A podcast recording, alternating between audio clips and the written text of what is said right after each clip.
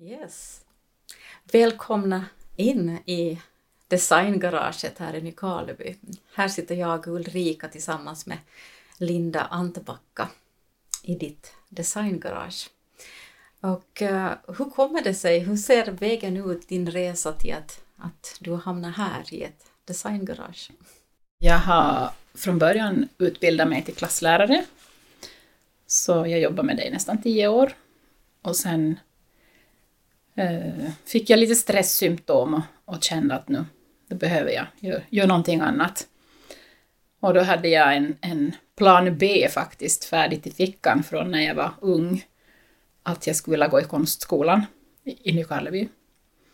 Eh, då var det, då när jag, när jag liksom började fundera på det här så då fanns den inte längre i Nykarleby, men den fanns ju Novia i Jakobstad. Eh, och då sökte jag in dit och studerade formgivning med inriktning på inredningsdesign. Så jag blev färdig för fyra år sedan och startade företag under studietiden också. Så nu har jag här, jobbar på hemmaplan och har designgaraget med, med lite så butik och, och eh, verkstad i samma rum. Mm.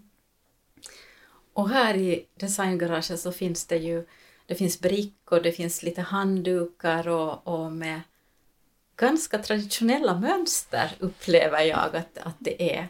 Hur, hur ser du på din relation som formgivare till hantverk eller tradition? Jag har liksom alltid på något sätt haft en, en stark relation till hantverk. Kommer från en, en familj där man har, har hantverkat inom olika områden. Och, och det här det känns på något sätt viktigt tycker jag, det här med rötter och varifrån man kommer. Så här. Och sen handens verk, liksom att, att praktiskt göra med händerna, känns också väldigt viktigt för mig. Um, så att, att många av mina mönster då är inspirerade av tradition på olika sätt. Det kommer nog därifrån, skulle jag säga. Mm och handens verk, hur arbetar du själv? Arbetar du liksom också sådär handgripligen? Mina mönster så, så börjar egentligen ofta som en, en blyertsskiss på papper. Och sen tar jag in skissen i, i min iPad och, och renritar den där. Och då använder jag en sån här penna, så jag ritar på skärmen med en penna. Det är också på något sätt mera fysiskt än att, än att rita med en, en, en mus på datorn, känner jag tillför det någonting, tycker du, just det här att du får rita med penna eller? Ja, jag tycker det blir liksom, det kommer närmare på något sätt. Eh, jag redigerar ju nog förstås eh, mina handritade skisser då också digitalt. Kanske putsar jag ibland liksom bort lite för mycket av, av handens uttryck, men, men jag skulle säga att det ändå finns en känsla av att det här är är inte gjort jag menar, det är, det är gjort för hand. Det är liksom en människa som står bakom det här. Mm.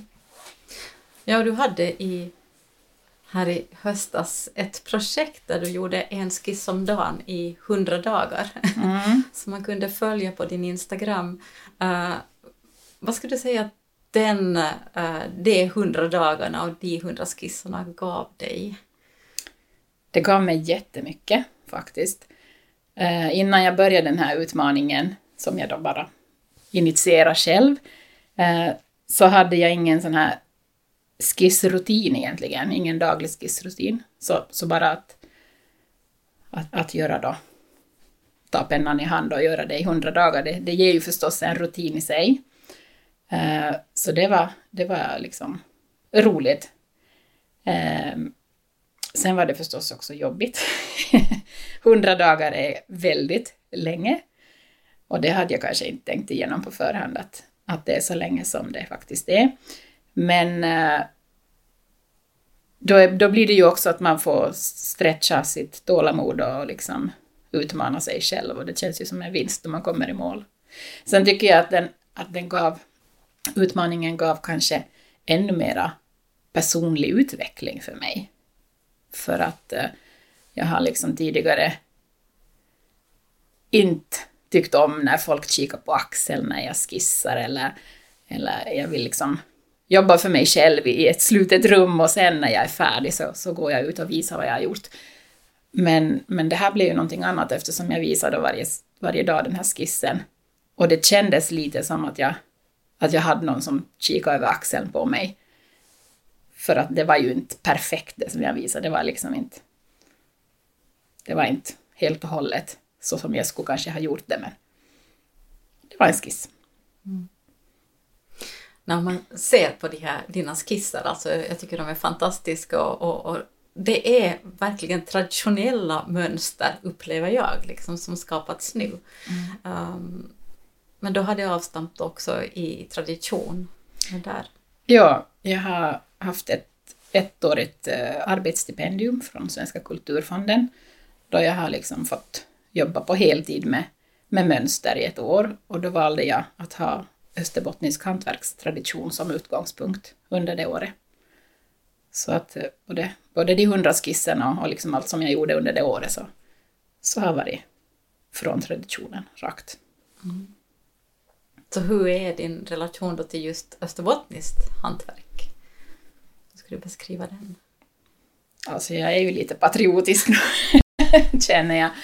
Så är det. Uh, det är här som, som jag liksom lever och finns och härifrån utgår det som jag gör. Enkelt sagt bara. Ja. Mm. Och eh, vad tycker du att du upptäcker och finner i, i österbottnisk hantverkstradition? Alltså, det, som slog mig lite så här under året, så det var att, att man kan inte säga specifikt att det här är österbottniskt, typiskt österbottniskt. Utan att eh, det har ju kommit influenser från, från väldigt många olika håll också tidigare. Så att det kan, kan finnas drag som, som påminner om någonting som man har gjort till exempel i Sverige eller så. Det har kommit, kommit influenser över. Eh, så det var ju en sån här sak som jag, som jag kanske hade trott att ändå skulle skilja sig åt på något sätt. Att, att det finns någonting som är väldigt typiskt österbottniskt. Mm. Men det som jag tycker så här, överlag med, med traditionen och just de här allmogeföremålen som jag då har bekantat mig med, eh, så det är ju att, att det finns liksom på något sätt en, en glädje i det här som de har skapat då. Eh, det är ju oftast eh, bruksföremål som man har gjort för att de ska användas och det har liksom varit helt nödvändigt för vardagen att man har ett sådant föremål.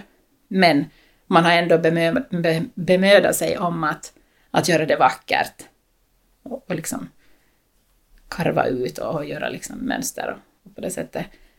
Så jag tycker det finns någonting fint i det att, att det här måste-delen har liksom kombinerats med ett, ett visuellt tilltalande uttryck också.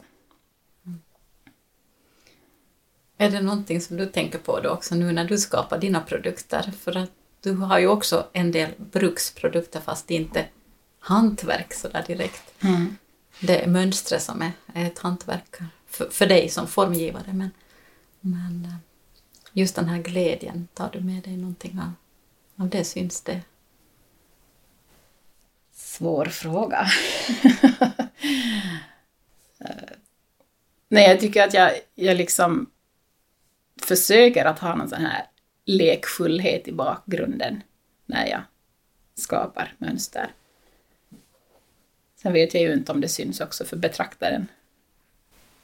Och där när du gör dina mönster, liksom hur, och, och, under det här året som du har jobbat med österbottniskt hantverk och, och, du har rest runt och tittat och fått inspiration från många ställen, hur har du använt dig av all den inspirationen och, och hur går den där vägen då sen till, till att det blir ett, ett mönster?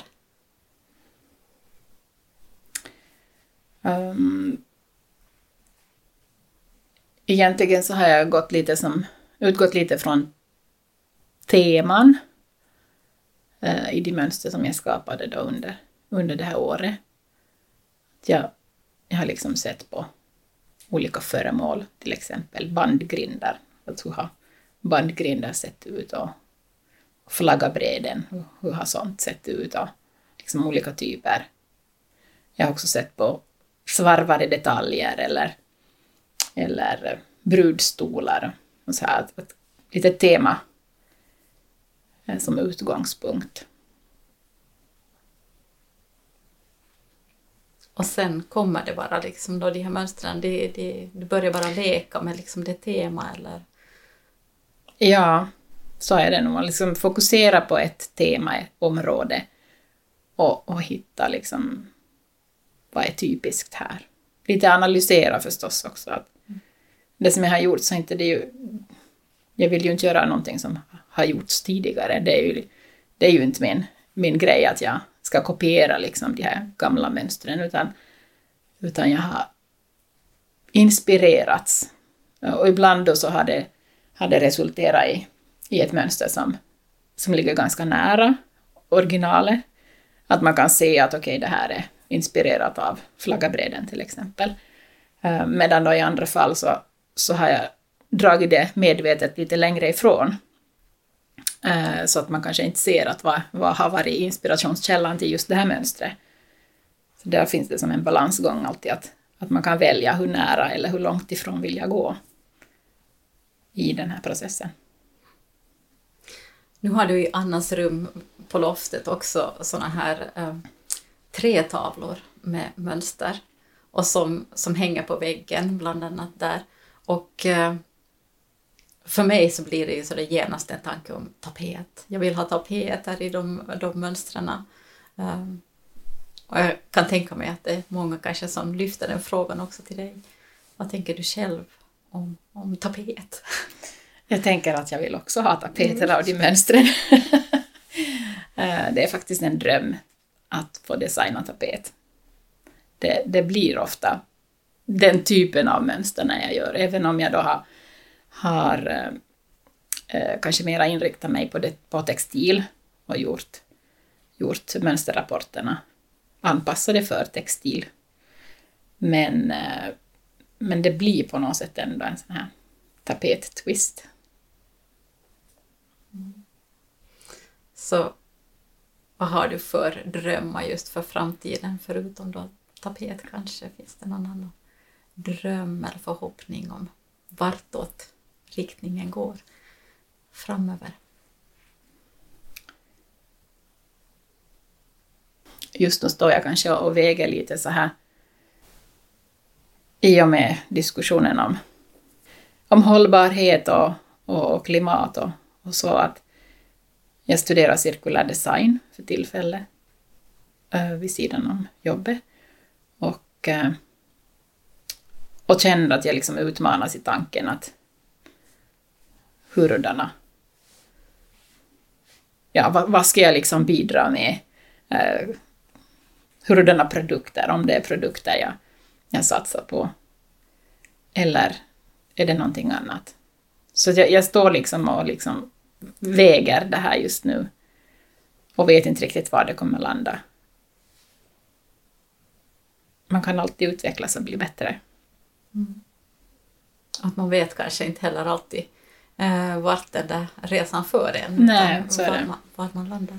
Men riktningen är ju den att jag tycker att det är viktigt också att man, att man eh, beaktar att inte man gör för stort avtryck och förstör.